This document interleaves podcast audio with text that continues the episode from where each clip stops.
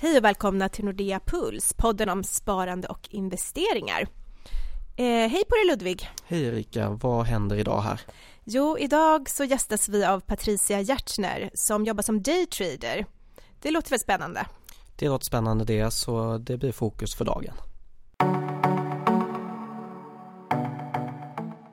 Då säger jag välkommen hit Patricia Hjertner.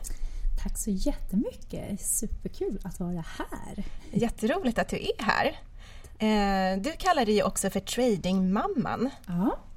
Eh, kan du berätta lite mer om varför du gör det och, och vem du är? Eh, Tradingmamma kommer från att jag har fått inspiration från min mamma eh, och att jag själv är mamma också eh, och att jag tradar.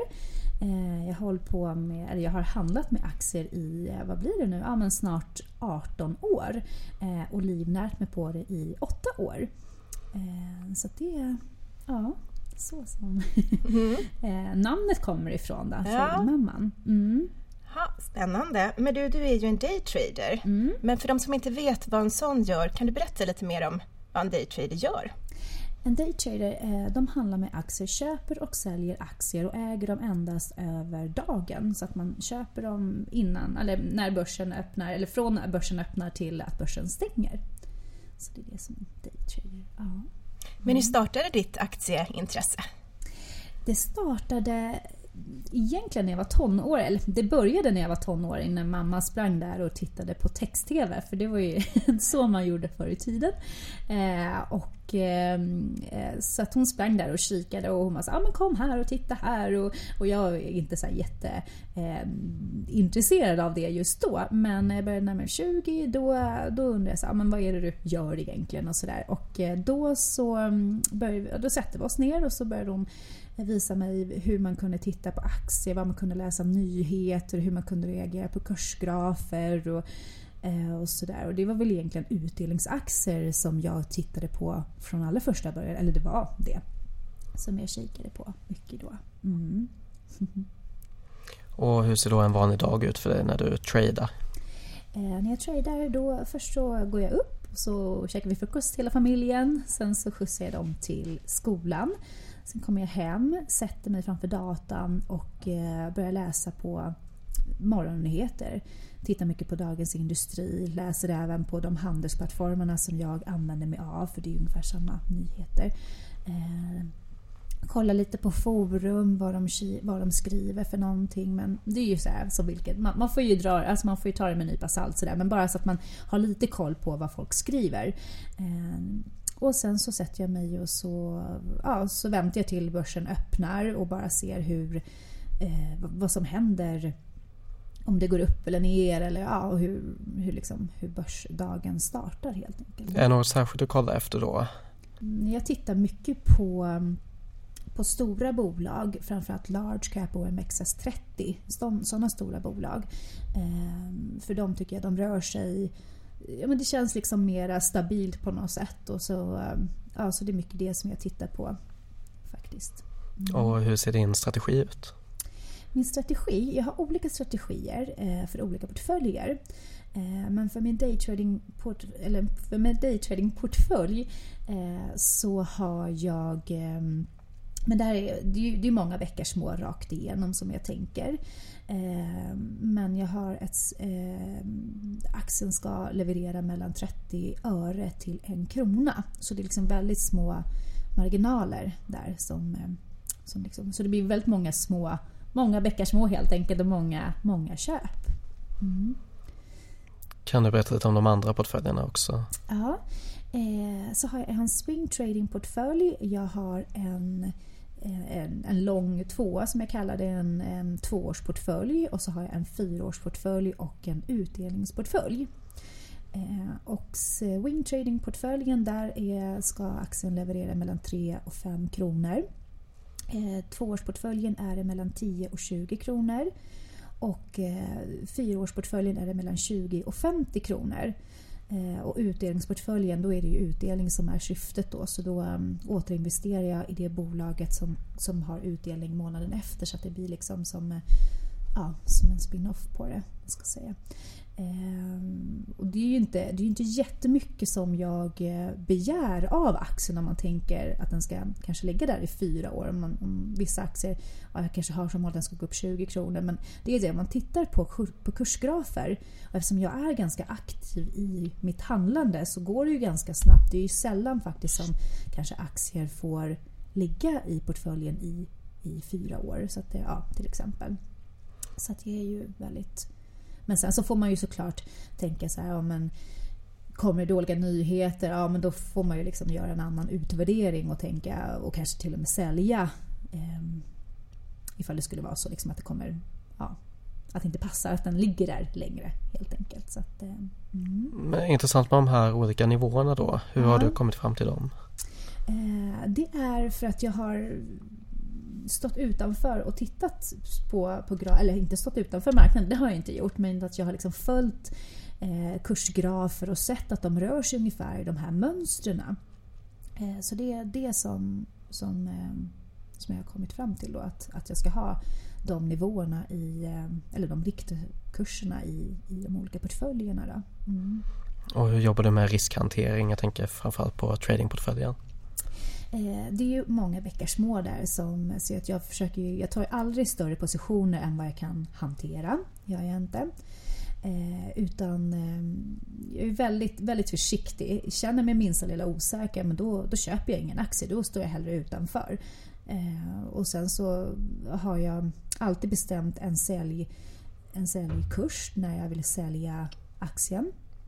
Så, att jag, så fort jag köper en aktie så lägger jag in en säljorder på en gång.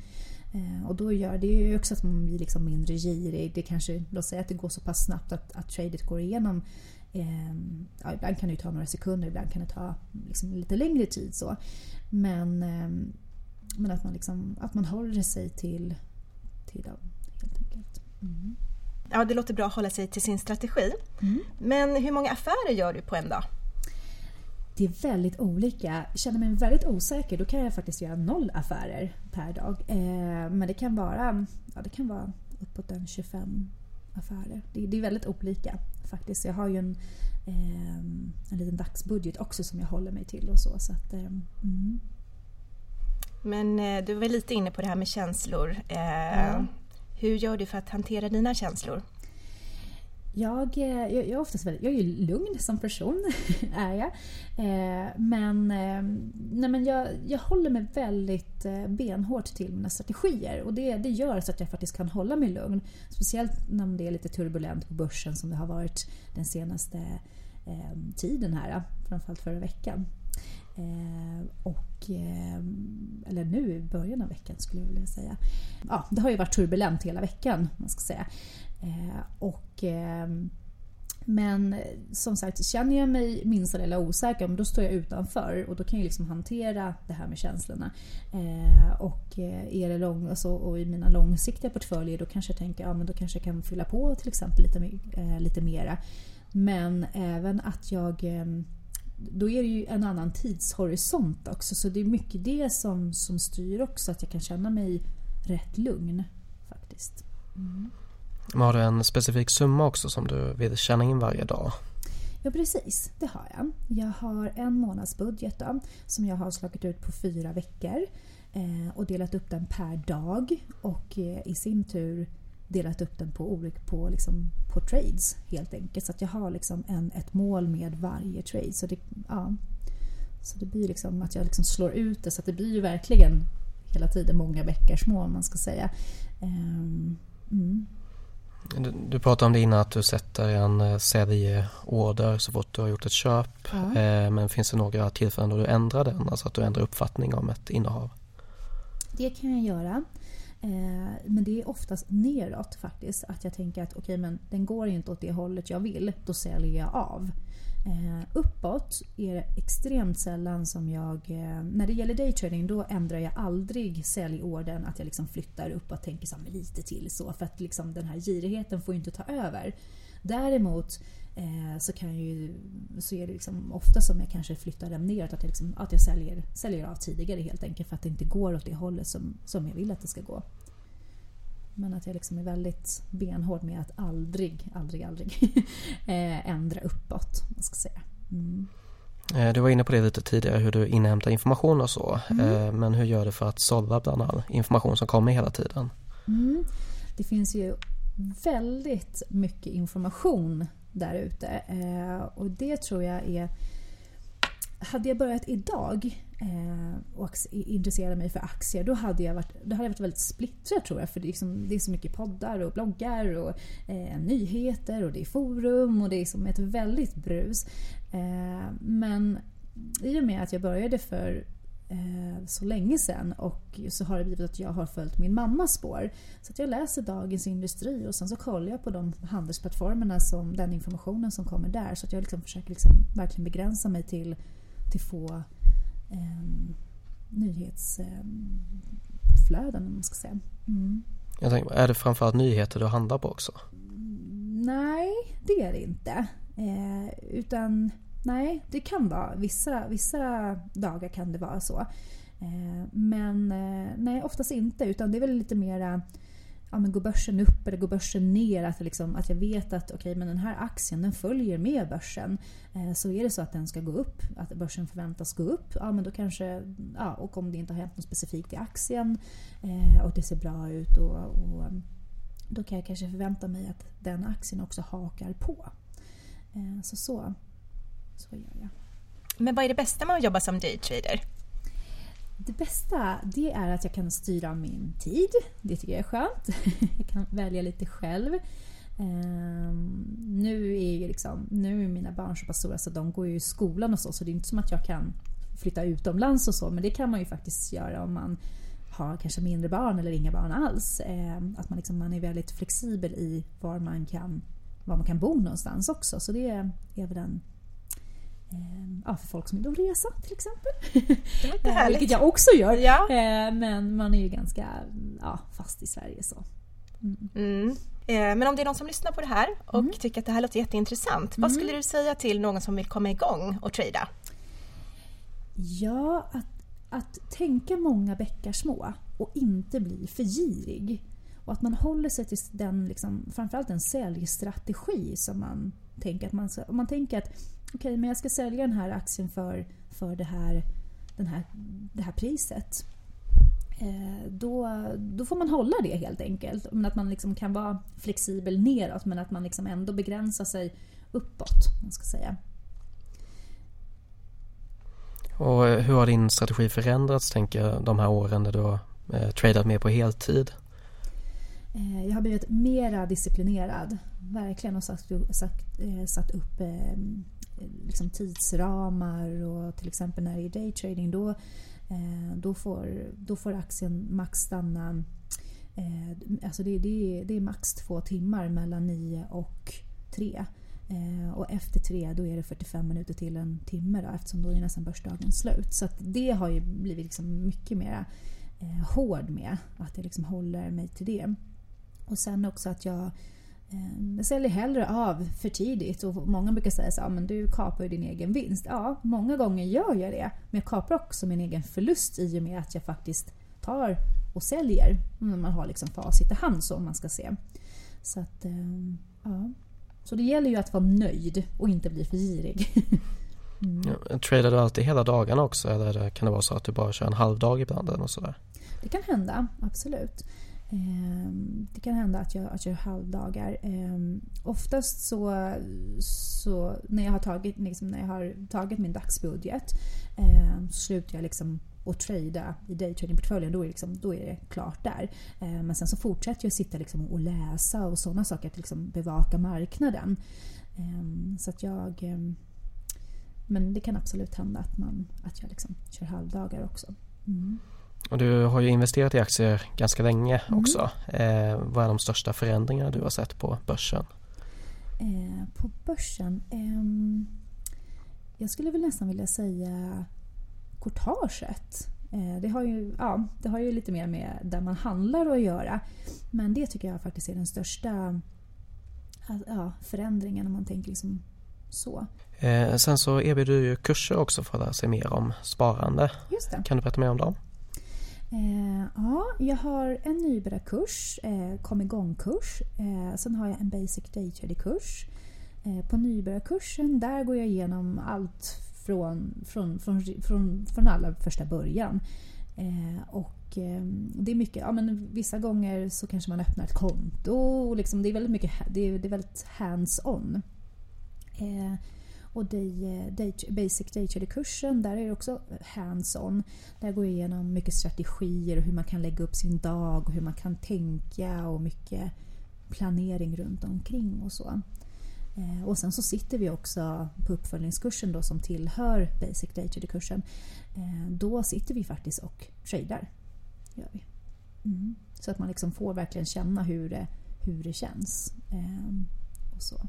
Men du Patricia, hur kommer man igång med sitt sparande? Hur blir man sparpeppad? Hur blir man sparpeppad? Ja, eh, men jag tycker att eh, Alltså ja, jag, jag är ju supernördig måste jag ju faktiskt säga. Jag tycker att det är jättekul att sätta upp liksom olika mål och strategier och liksom så. Eh, men att man kanske kan tänka att ja, men, eh, sparpeppad, man ser att det, att det växer på kontot. Det är väl en morot. Eh, att man ser det och sen men att man kanske har ett mål, om man säger att man har en resa så att det är liksom, till exempel att man eh, sparar till den, att man sätter upp liksom delmål och att man, man utmanar sig själv och kanske drar in på vissa saker. Man blir ju glad eh, när man ser att det växer på kontot om, man liksom, om man har ett sånt mål till exempel. Eh, nej men jag, eh, jag kan ju bara ta lite från mig själv. Eh, jag sparar till en, ehm, en, extra res, en extra semester faktiskt som inte var planerad i år. Eh, och ehm, för att göra det då drog jag in på ganska mycket onödiga saker och man blir ju glad om man märker så men gud vad, vad lat jag har varit innan. Eh, och inte tänka, men till exempel jag tog bilen till, eh, till jobbet vilket är mm, en enorm skillnad nu när jag åker när jag åker faktiskt kommunalt till jobbet. Bara, bara en sån grej. Att det är så enkelt. Med enkla medel kan man ju bli eh, väldigt... Eh, ja, att man får pengarna att växa helt enkelt. Mm. Eh, och då blir jag jätteglad. Ja. när man liksom ser såna grejer. Eh, liksom att det är mycket i sin vardagsekonomi som man faktiskt inte behöver. Ja men faktiskt. precis. Det behöver inte vara så krångligt heller. Utan... Nej men precis, men det behöver inte vara så krångligt utan det är bara, det är bara gör. Mm. Det låter jättebra, bara att göra. Ja, det bara gör. ja, det var ett bra tips. Men du brinner ju också för att få fler kvinnor att komma in i branschen. Mm. Vad har du för tips till dem? Nej, men jag tycker att man, man, ska, man ska våga. Det är inte jättesvårt. Det är väl lite mer det. Jag tror att det har liksom varit en, en ganska... Mm, ja, men att man, man tänker att det är så svårt och nej, men det är krångligt. Men det är inte så svårt. Eh, det är egentligen bara att börja och sen att man tänker att mm, ja, det är inte så det är inte svårt. Eh, fast det är ju ofta det man har fått höra och man tänker att det är krångligt och, eh, och hur ska jag lära mig och hit och dit. Men, men ehm, nej, bara börja. Börja spara. Låter jättebra. Eh, om, men om vi ska ta och försöka sammanfatta det här avsnittet då. Mm. Vad, vad, tycker du är de tre viktigaste delarna att ta med sig? Eh, jag tycker att man ska tänka många bäckar små faktiskt. Eh, och inte bli för girig. Att man liksom håller sig till, att man lär sig bara att man ska vara nöjd. det. Eh, och sen att man ska eh, hålla sig till en säljstrategi faktiskt. Det att man liksom ska hålla sig till den. Mm. Då får vi tacka så mycket för att du kom hit idag. Tack så mycket för att vi komma. Ja, men det var väl intressant att höra Patricia. Men du, vad händer nästa vecka? Nästa vecka kommer Tove Sander hit. Hon är ju VD för Unga Aktiesparare så då ska vi höra lite mer om vad hon gör om dagarna och vad hon har att säga om sparande och investeringar.